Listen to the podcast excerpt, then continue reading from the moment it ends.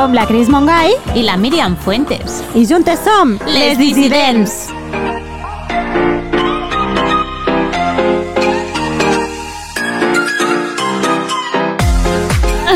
Estic rient.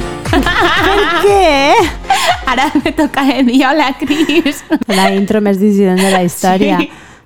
És que m'ha agafat No estem als matins. Miriam, has de dir hola. És igual, Estem- estem pelante. Ja estem diem. aquí. És igual, Vale. tots som dissidents. L'assumpto. Que ja estem aquí. Que ja estem, per sisena vegada, aquí as- Número atxutxant-vos. 6. Programa número 6. Molt bé, O bon sigui, número. això per a mi és tota una fita. Sí, Aconseguir mantindre en el temps una idea. sí. O sigui, jo sóc de les que canvia d'idea. Pim, pam, pim, pam. Tindre idees és algo en general interessant. Sí, sí, però a mi me, me fallava la part de la perseverància i jo crec que és gràcies a la teva ajuda. Ui, Val? Que estic perseverança és versus mm, tossuderia. Sí, sí, Digue-li sí, com sí, vulguis, eh? que estic aconseguint ser perseverant amb una idea. Clar que sí. Sí, i a més, eh, hola dissidents nois, aquest Hola, programa... seguiu allí, segueix allí, el dissident noi, sí. Els que segueixin, que, que bueno, té tot, tot el mèrit, perquè això bàsicament sembla per a dones. Però no, té, és que aquesta lectura Però tampoc no, m'agrada perquè però jo no. crec que qualsevol altre contingut que fos més enfocat amb tios, ningú ens diria no, les noies també ho podeu escoltar. Doncs pues clar, també ho escoltes perquè ho escoltes, pues els nois també, ja està, és cultura, Pues no claro. passa res per escoltar. Clar, perquè després dieu que no ens enteneu, però a veure... mm, Pues si us estem pues explicant la nostra vida no ens esteu escoltant. Pues feu el Escolteu-nos. favor de posar les dissidents. Sapigueu què pensem, quins són els nostres sentiments més, més profuns, més... que és unisex. Aquest és unisex. Aquest és unisex. I com Ja es diu aquest episodi? A veure. Es diu, tinc una idea, I jo li afegiria i penso posar-la en pràctica. m'encanta, Ah, que sí? pràctica. I de què parlarem? En aquest episodi 6 tinc una idea i penso posar-la en, En pràctica. pràctica?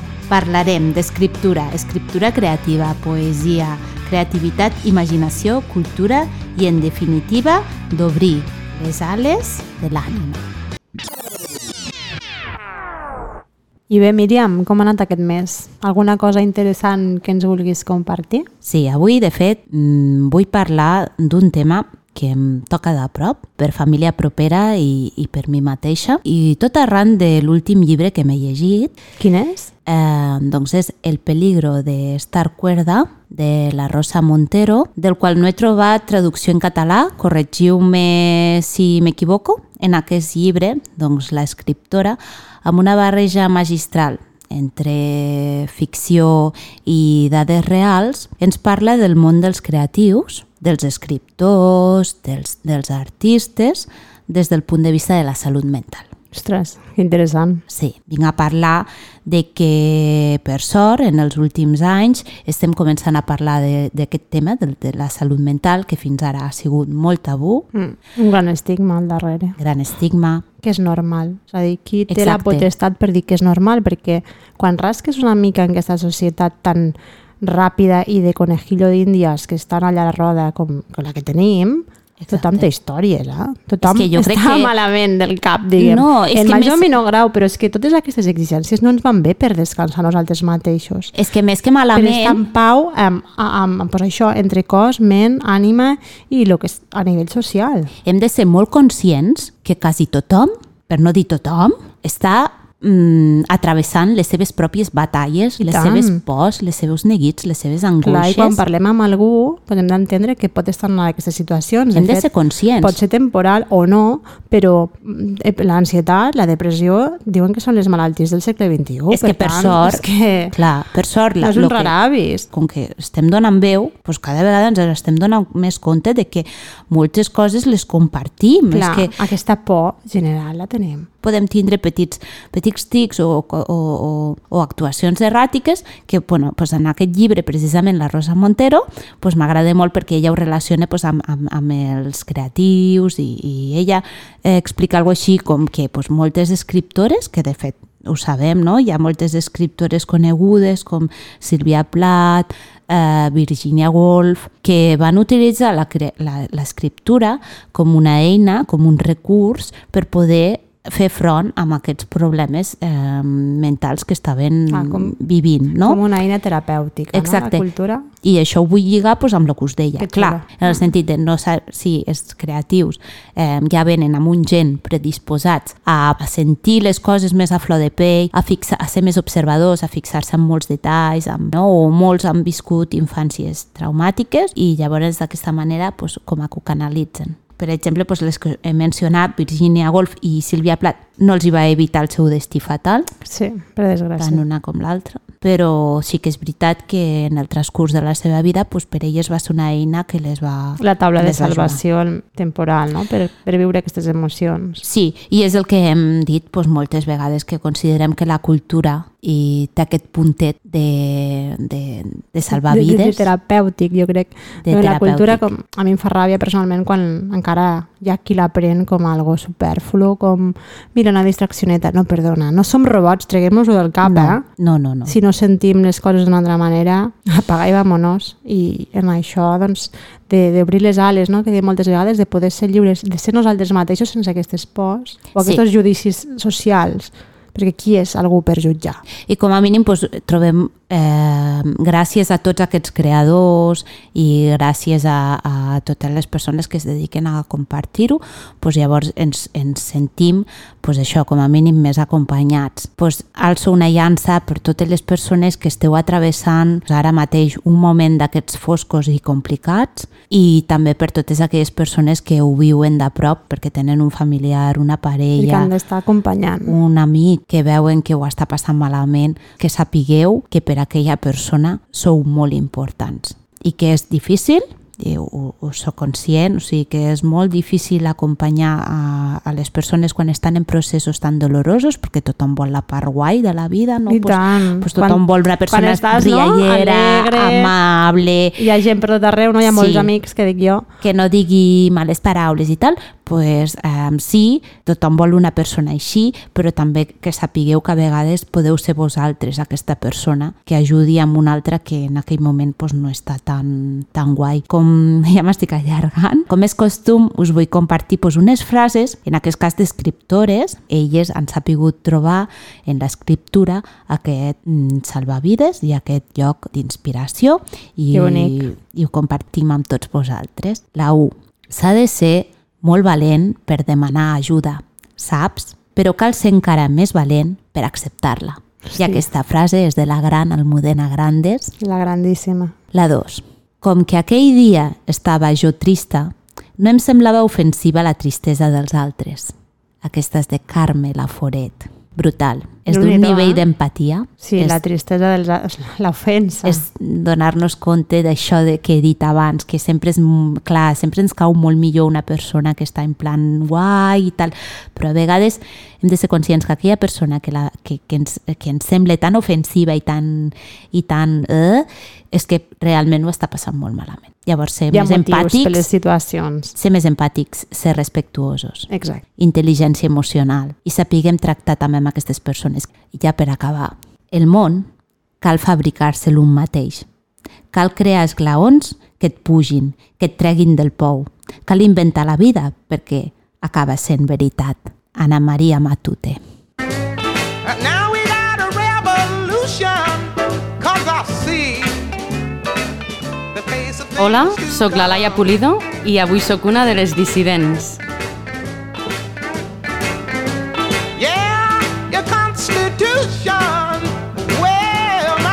La convidada d'aquest programa és una ànima sensible, observadora, que posa l'accent i busca i troba la paraula adequada en el context cultural lleidatà. La poesia és un dels seus mars que na on navega dins de l'oceà de les lletres, però afortunadament no és l'únic d'ells. També es dedica a donar ressò als pensadors i creadors amb entrevistes i des de finals del 2021 impulsa i dirigeix el Cosmos de la revista Mangrana Cultura Contemporània, la qual va néixer en el context del Ponent Coopera, l'Ateneu Cooperatiu de les Terres de Lleida. Parlem amb la Laia Polido. Què tal, Laia? Hola, què tal? Com esteu? Estic contentíssima d'estar aquí entre les dissidents. I nosaltres de tenir-te A la aquí. nostra guarida. Mm, fantàstic. Sento, després escric. Això és una frase que et defineix? Sí, sento, després escric. Um, I bé, em, em defineix aquesta i moltes de les altres frases que has dit. M'agrada molt en general la, la presentació que has fet. Soc una persona, com dius, uh, molt sensible, molt permeable a, a les coses en general de la, de la vida. Llavors, el que faig primer és deixar-me copsar per tot allò que es mou i després es generen coses. Aquestes coses poden ser un poema o poden ser una revista com, com Mangrana. No? Penso que avui és, és important despertar aquests aquests sentits que a vegades estan dormits i per A o per B algunes persones eh, sembla que tenen més facilitat per connectar-hi, no? però penso que al final tots tenim aquesta capacitat i que d'això es tracta, no? d'anar despertant cada cop més a, a aquesta sensibilitat vers el nostre entorn i la vida. D'aquest moviment, no? Sí, de fet, el, el títol que hem triat per al teu episodi, de tinc una idea, perquè em sembla un títol pues, que abarque o sigui, la creació en general, no? Uh -huh. el, de dir, ah, quan neix aquella gúspira, De dir, i si, i si provo? No? I per què no? Per què no ho tiro endavant? Uh -huh. I això és molt interessant de fer-se aquesta pregunta, d'aixecar una barrera que potser la societat, potser nosaltres mateixes ens hem posat, no? hem alçat i dir, ostres, però és que trenquem amb aquest límit, no? Sí, de fet ara us escolto i tinc la pell de, de gallina perquè són reflexions a les que jo també arribo i sí, al final em parlo al, al, a l'editorial de número 3 de la revista. De fet, el, el, el, el destacat de l'editorial seria desbarrar els límits ontològics de l'art, però no només de l'art, sinó que al final faig un paral·lelisme, una metàfora, entenent l'art contemporani com aquest model de societat cap on caminem i en el que ja hem desfet totes les barreres. No? Penso que venim construïts en marcs que històricament se'ns ha dit com havien de ser, amb qüestions de gènere, per exemple, no? els homes han de ser així, les dones han de ser així, Sí. però tam també en molts altres aspectes que no són de gènere, que tenen que veure amb la ètnia o amb l'edat, no? ens hem com categoritzat al llarg de la història i ara estem en un procés eh, de reprogramació d'aquesta categorització que, en- que, ens, que ens ha vengut donada. No? I com més Totalment. barreres trenquem, eh, eh, més ampla és la possibilitat d'aquest cap on caminem. Una panoràmica Sí. molt més àmplia. Jo també ho veig així, jo no sé si ho hem parlat ja en algun episodi, bueno, ara no, no me n'en recordo si algun cop ja he dit això de que penso pues, que estem en una època de canvi, totalment, que, no sé, de, que sempre penso, no sé si arribarem nosaltres a veure de, de grans el final d'aquest canvi, perquè crec que és una època de transformació tan gran a, a, a, a, tots els nivells, no? I és com que hi ha la gent que està creant resistències Uh -huh. i després la gent com que estem allí Que oberts. intenta avançar, Em, fer que avanci. Ah, sí, és molt interessant aquest punt de vista perquè resistències sempre n'hi hauran, però gent Sí. que avança també i al final eh, la És un- tendència és un sí o duel, sí... no? Sí, però la tendència sí o sí és el canvi. Sí. Sí. Sempre perquè tot al final s'acaba transformant. I si arribarem o no aquí on tu dius... Eh, No ho arribarem tinc a- clar, no, saps? Però. Qui sap, qui sap. Arribarem a algun lloc segur i ho veurem perquè ens anirem Sí. transformant constantment, no? I ara és un moment que hi ha molt moviment, no? Totalment. S'observa molt perquè la pandèmia ens va demanar molta quietud, molta introspecció, molta gent no estava preparada per fer aquesta introspecció i va ser un temps determinat no? que just es trenca la càpsula i el primer que vam fer tots, in- inclosos els introspectius i els sensibles, és posar-nos a l'acció una altra vegada Total. no? i a fer inclús més que abans, no? Sí. Que abans ho comentàvem. Materialitzar-ho, aquest canvi, no? aquest moviment. Sí, i per exemple fer moltes coses, no? Eh, nosaltres ara estem amb aquesta iniciativa, però vosaltres teniu la vostra, les dissidents, i a vegades passen aquestes coses, no? Que voldríem estar tot arreu i acompanyar-nos, però se'n solapen les coses perquè tenim aquesta, aquesta acció i dinàmica creativa, no? Que no, que no podem parar, de puges no? a l'ola i, i, i costa molt, no? A la Bueno, és- però hi ha moments no, que fem intersecció com estem fent ara. Exacte. Ara hem aconseguit que estiguessis aquí, ni que ens ha costat. Ens ha costat surfejar, surfejar en una mateixa taula. Ha sigut la convidada més difícil És que- d'aconseguir sentar aquí.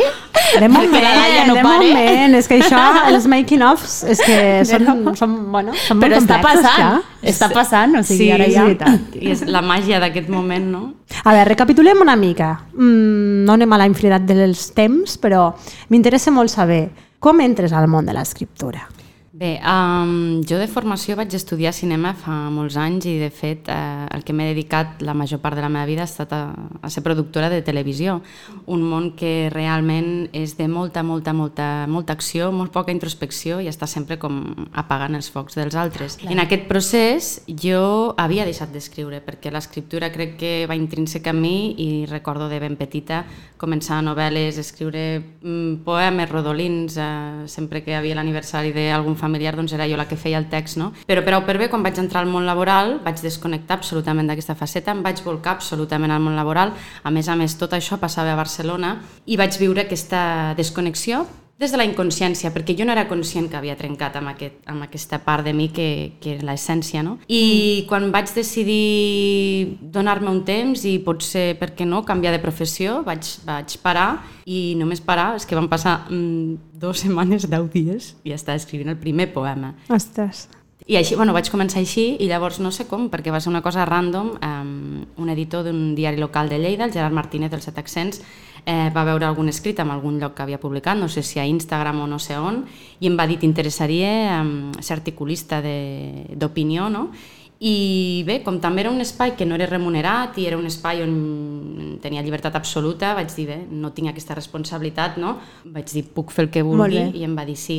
I en aquest espai vaig començar a escriure poesia, prosa poètica eh, i de sobte mm, vaig començar a fer articles periodístics i van començar a agradar moltíssim. Llavors va venir la proposta de l'Ara i em vaig començar a especialitzar d'un dia per l'altre en art. Em vaig adonar que no només era la poesia el lloc d'acció, sinó que en general m'apassionaven totes les arts i poder parlar a través de l'art dels altres era com una manera màgica de, de traslladar les particularitats de cadascú a través d'aquesta sensibilitat que parlàvem al, al principi. No? Perquè això és lo, és lo curiós dels creadors, dels emprenedors. Jo crec que si hi ha una cosa que tinguem tots en comú, acabes eh, portant a terme aquell, pues, aquell llibre, aquella revista, o de repente Hi ha algo que estic fent t'impulse, no? articles...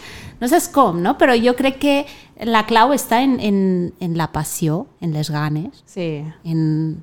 et vas motivant, retroalimentant. És com això de el podcast que va aparèixer, ho, hem, ho hem dit abans a Sí, la intro, ui, que això. màgicament, o sigui, Sí, com sí.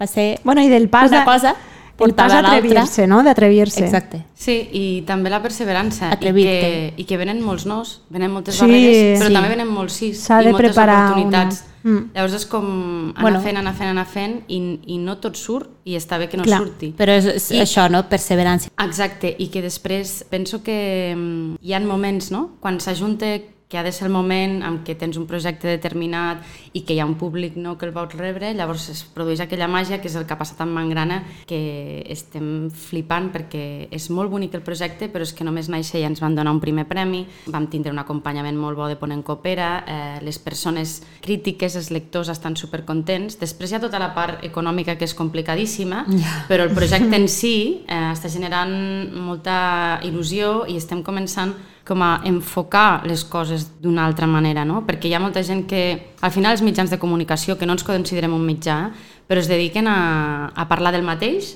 des dels diferents punts de vista de cada mitjà, que normalment són interessos basats en el capital, polítics, etc. Nosaltres, d'entrada, aquí ja no hi som, perquè per o per B tenim la sort um, de ser autèntics i genuïns, vull dir, ser nosaltres mateixos, no? I després està això, que no parlem del que parla tothom, sinó que perdem un temps, i per això la revista és trimestral, en nosaltres anar posant l'ull i l'accent a espais que potser ningú està parlant però que per algun motiu per nosaltres, perquè ho creuen els redactors, perquè ho crec jo quan escric, és important per alguna cosa que ens connecte. No? Llavors posem a la taula aquella connexió, aquell contingut que ens connecte, que no té per què tenir res a veure amb, amb el que s'està fent a, a un altre mitjà. Clar. No és la llibertat aquesta. Clar, i en tot això és que és fonamental fer-te una pregunta, perquè això neix d'aquesta estima i admiració per l'art, l'art multidisciplinar i en definitiva per la cultura. Què és per tu la cultura?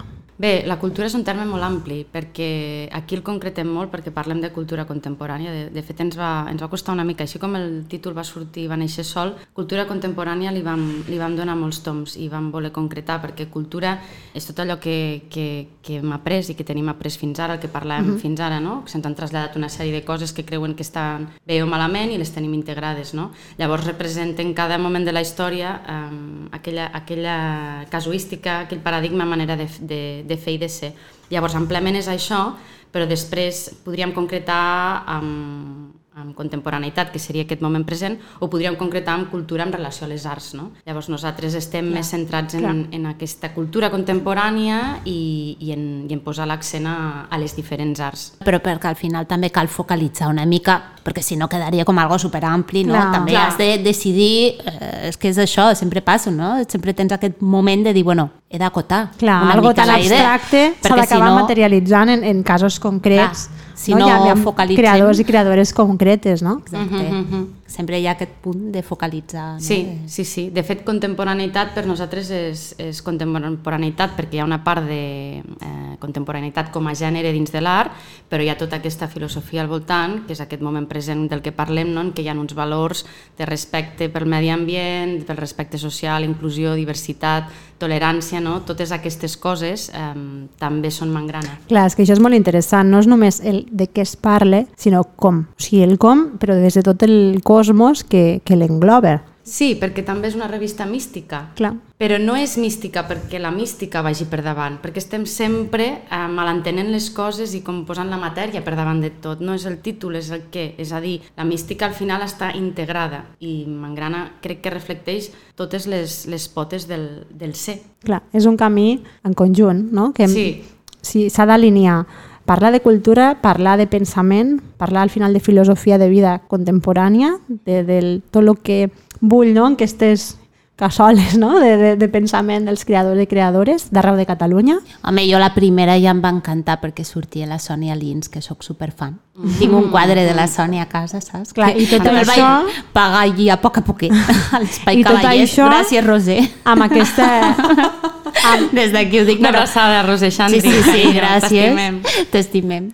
Clar, tot I- això eh, amb, amb, Això amb el de- tema d'alineat pues, amb, amb el medi ambient, amb que estigui imprès d'una manera doncs, respectuosa. Clar. No podria existir Mangrana si no hi hagués tots aquests ítems complets. Però vull dir això que li Exacte. doné com... Això em sembla dones... superinteressant perquè és el que dèiem, el com completament. Sí, és complet perquè mm, jo també al seu moment vaig estudiar em, bueno, ciències econòmiques, no vaig acabar la carrera però vaig fer administració i direcció d'empresa i me'n vaig adonar quan estudiava que el capitalisme era un model molt, molt, molt agressiu. I recordo que quan vaig acabar el màster vaig tenir com un període d'un any o dos de reflexió pensant què és això, no? Perquè estan preparant realment a les persones perquè es comportin d'una manera determinada, aquesta manera és competència, és agressiva.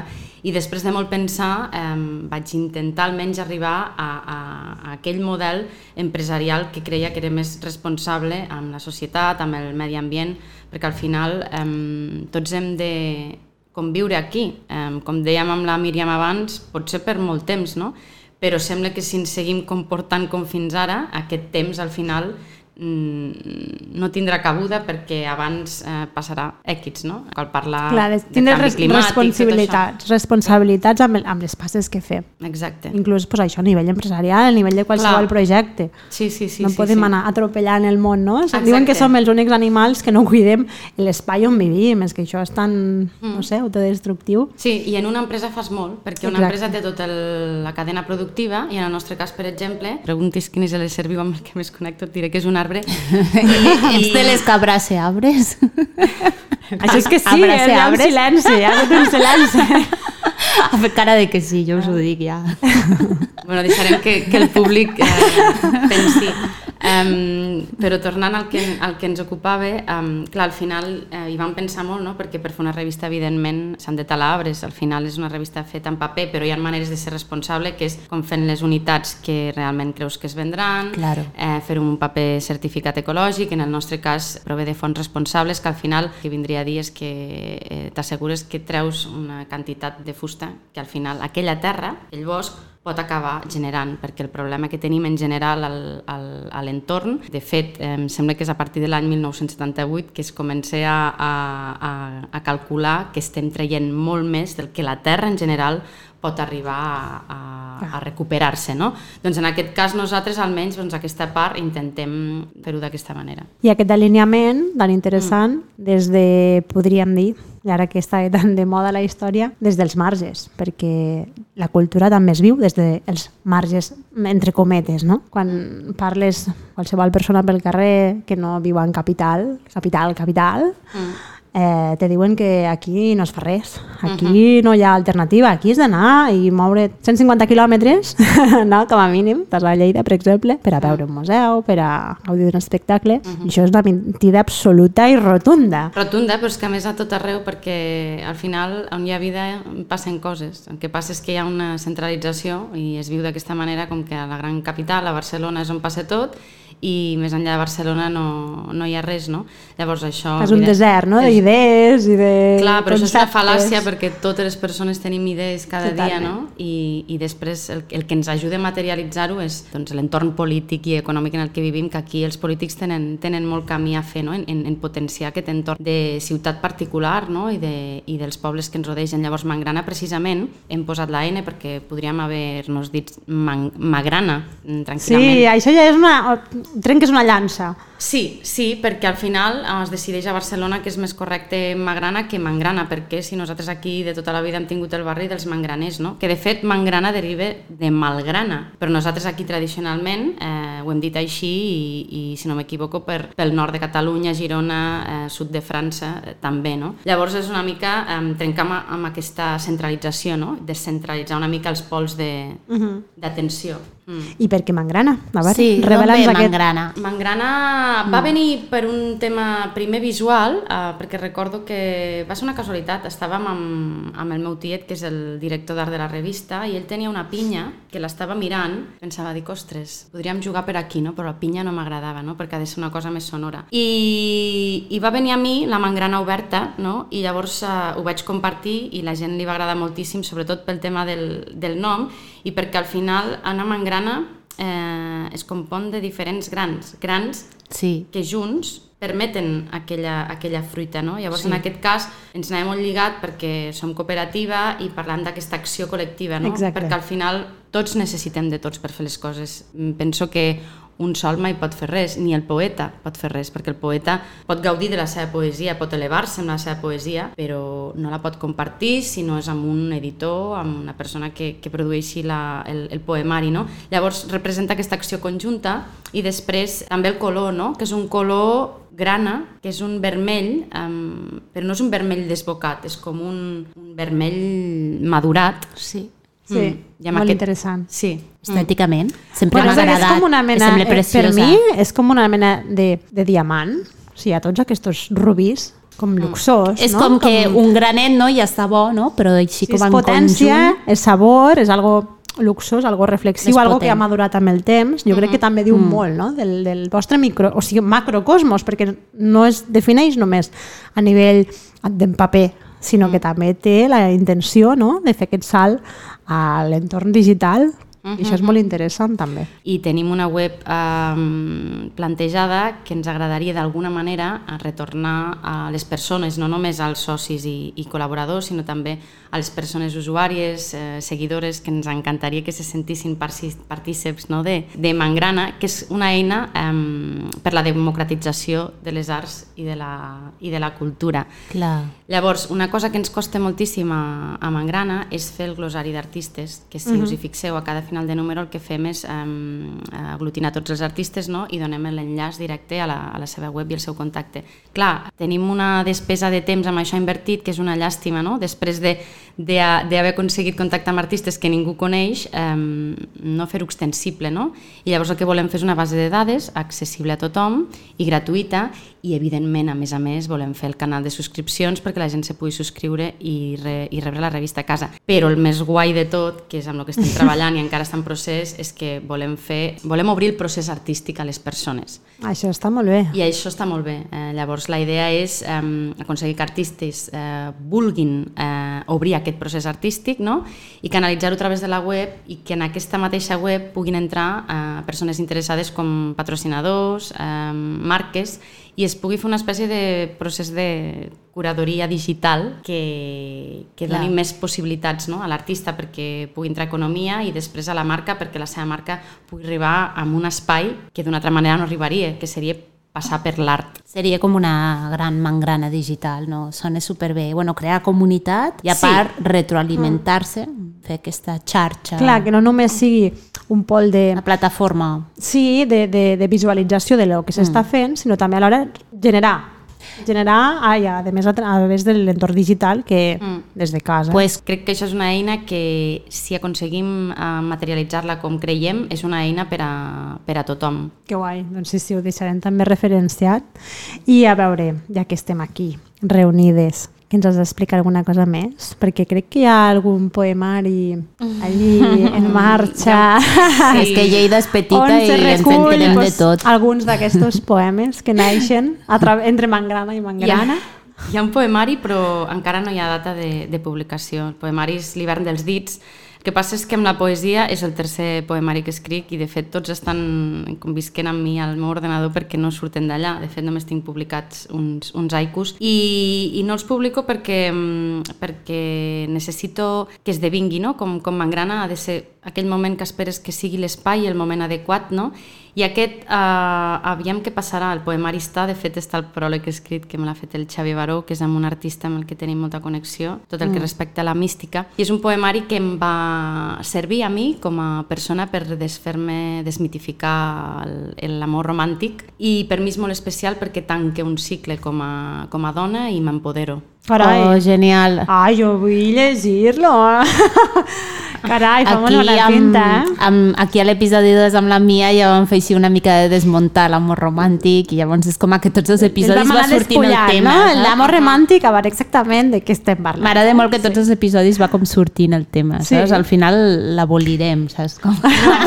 Bueno, o, o realment traurem aquestes fantasies que ens han fet creure sempre a nivell cultural, diguem, vale, l'amor ha de ser una cosa, romanticisme és una altra, però altres que te venen també altres històries que no tenen res a veure i que ho tenim aquí a l'inconscient. Penso que l'amor romàntic al final eh, ens l'han venut com si tu sents que el com per algú i aquell algú ha de ser el centre de tot, no? I de l'univers, i el centre de tot i de l'univers és l'univers i un mateix. Exacte, Aquest és l'amor més gran que pot tenir una persona, que malauradament a través de la religió se li ha donat noms eh, de Déu, però no hi ha més Déu que un mateix i el, el tot. I després i el si- fet de l'amor romàntic, poder lo, lo, lo xungo, no? És que és com que te centres en una persona i de deixar com tota l'altra gent de banda, no? L'altra gent i tu mateixa. Dius, a Exacte. veure, si tu mateixa I, no t'estimes, no no. t'aprecies, no t'entens, no pots, no pots projectar d'una manera sana amb una altra persona. Tot allò no- del sense tu no sóc res, tot això. Sí, això, veus? Exacte, per mi Caca, no, no. no. hi ha alliberament més gran no, avui dia que, que aquest, no?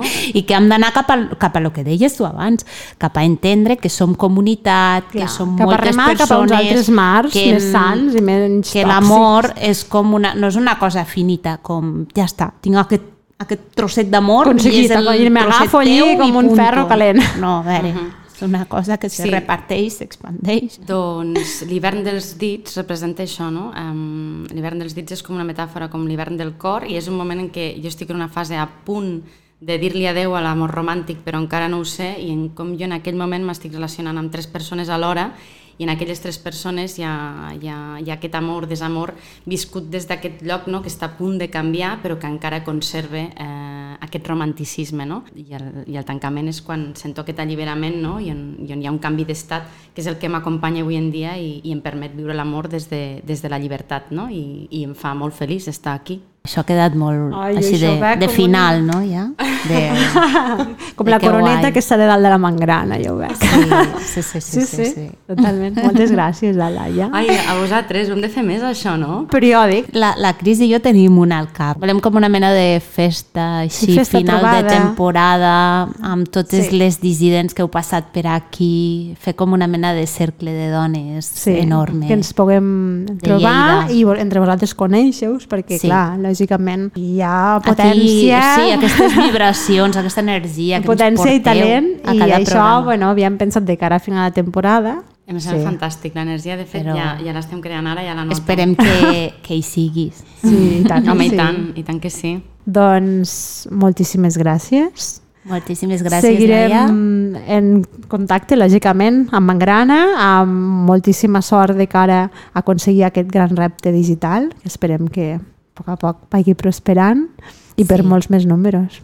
Gràcies. Um, jo per acabar m'agradaria dir que ha sortit a la venda recentment el tercer número de la revista i que us animo a tothom a, a llegir-lo perquè veureu reflectit part del que veníem parlant i gràcies. Mm, a tu. I ara donem pas a la nostra companya de cultura. Sí, senyora. Donem pas a la Silvina, A la que Silvina. al programa anterior no ho vam fer. Tia, ens vam Oh, oblidar de donar-li pas a la Silvina, t'ho juro. tot és perdonable. sortia el ja això, la qui un, mos escolta ja ho sap, que de vegades Fem ho tenim al cap, però ha tantes històries. Tenim tres neurones allí Ja, ja, pensa que el dia que se desconnecte una, les altres ja es paren boixes d'aquí al cap. Però fan el que Pues poden. que ho intentem, ho fem bé. Vinga, va. aquesta vegada Vinga, sí, va. pobra Silvina, que la Pobra tenim per Silvina, allí que abandonada. Mos matarà, pobra. Sort que té paciència amb nosaltres. Vinga. Som-hi, va. Pues en 3, 2, 1... Dissidents. Soc la Silvina i arriba el Minut de Cultura. L'estiu ens convida a desconnectar, a sortir més i a gaudir del nostre temps lliure. Del generós ventall de propostes culturals que ens esperen aquest mes de juliol, els festivals són, sens dubte, els protagonistes indiscutibles de l'agenda a casa nostra. Anem de festival? Si us sedueixen els festivals o cicles de música de petit format i gran qualitat, el tercer cicle de sons tranquils a Ibars d'Urgell fins al 23 de juliol, el Festival Entre Rius a Térmens fins al 24 de juliol o el Rentadors a Juneda fins al 29 de juliol són tres cites idònies. Si preferiu opcions de mitjà, gran format, més festivaleres, no us podeu perdre la 24a edició del Pau Paterres a Tàrrega del 7 al 9 de juliol o el Talar Music Experience a l'Oquios de Talarn del 15 al 17 de juliol. Els amants de les arts escèniques trobareu en la quinzena edició de Les Baiolat, el Festival d'Arts Escèniques al carrer per a tots els públics, una programació intensa, de qualitat i variada, del 14 al 17 de juliol a les Valls d'Àneu. Però això no és tot. La segona edició del FART, el Festival d'Arts Escèniques al carrer d'Isona, ha preparat una dotzena d'espectacles heterogenis que es podran gaudir del 22 al 24 de juliol. Si us estimeu més festivals que mariden dif diferents disciplines artístiques, hi ha tres iniciatives que us captivaran especialment. La tercera edició del festival A2M, que va arrencar el passat 30 de juny a Tornabous, fon les arts en viu amb el seu patrimoni. La 31a edició del Festival de Cultures del Pirineu d'Ansàneu, que es durà a terme a diversos municipis de les Valls d'Àneu del 14 al 31 de juliol, enguany inclou una trentena de propostes diferents que giren al voltant de la dansa, la música i el patrimoni. Finalment, el festival La Mare condimenta amb brins d'arts en viu i polsims de música i natura la seva tercera edició, que serà degustada el 30 de juliol al Parc de la Mare de la Font de Solsona. Ja heu pres bona nota, dissidents? Gaudiu de la vida i de la cultura. I ara sí, família dissident, Fins aquí el nostre programa ens seguim a xarxes? I ens trobem el mes que ve. Adeu, adeu! Adeu, adeu!